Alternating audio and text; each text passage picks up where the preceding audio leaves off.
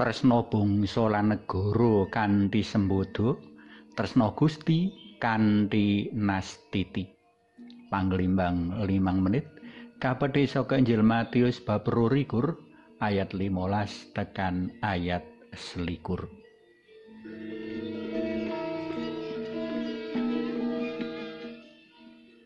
Para sutresna PLM kinasih ayo padha muji syukur mring Allah Pangeran kang wis maringake lan marengake marang awake dhewe kabeh bangsa lan negara Indonesia kang madeg jejeg sak dawane pitung puluh limo taun.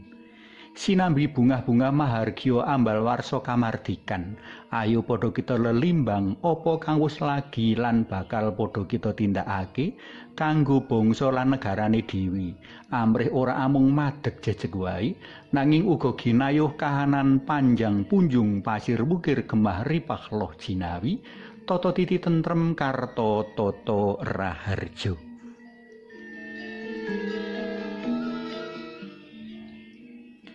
Gusti Yesus ing wawasan dina iki mbabarake piwulang rong perkara kang bisa dadi cekelan kita kabeh jroning ngisi lan mensyukuri nugroho kamardikan ing wektu-wektu mangarep. Rong perkara iki banget ing luhur wigati saengga kejaba ora bisa kapisahake anane uga ora prayoga menawa dilirwakake. Rong perkara mau yaiku tresna Gusti lan nagari. Gusti medharake dawuh tresna Gusti nganggo pratelan. Apa kang murwat kapisungsungake marang Allah ya kudu kaaturake marang panjenengani.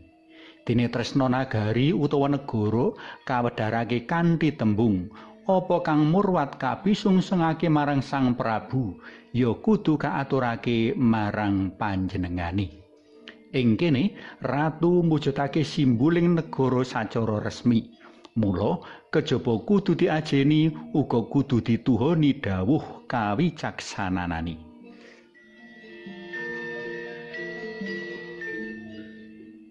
Tresna Gusti kawujudake kanthi nuhoni dawuh-dawuh dalem sacara konkret nyata ana urip padinan.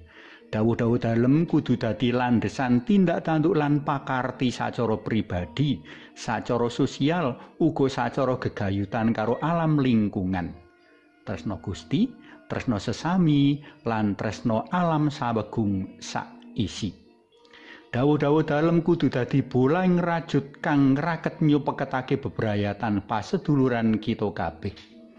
Tresno negara kawujudake kanthi misungsungake apa kang padha kita darbeni, mbuh arupa brana, mbuh arupa pikiran katiasan, mbuh arupa kompetensi-kompetensi liyane.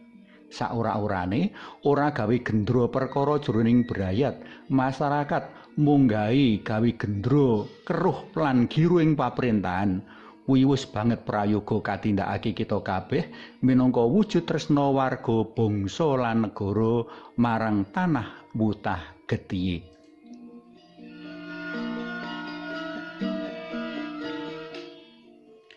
Para sutresna PLM kinasih cetolan gamblang to apa kang kudu padha kita katindakake kanggo mensyukuri lan ngisi kamardikan mangarep?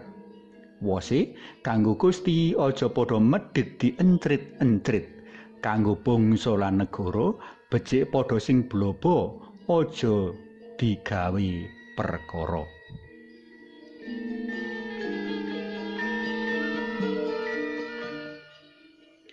Saiki ayo padha munjuk. Kunjuk ing asma dalem yang Rama, so yang Putra, tuwin yang Roh Suci. Amin. Allah kang maha luhur Ibotan gendat kawula matur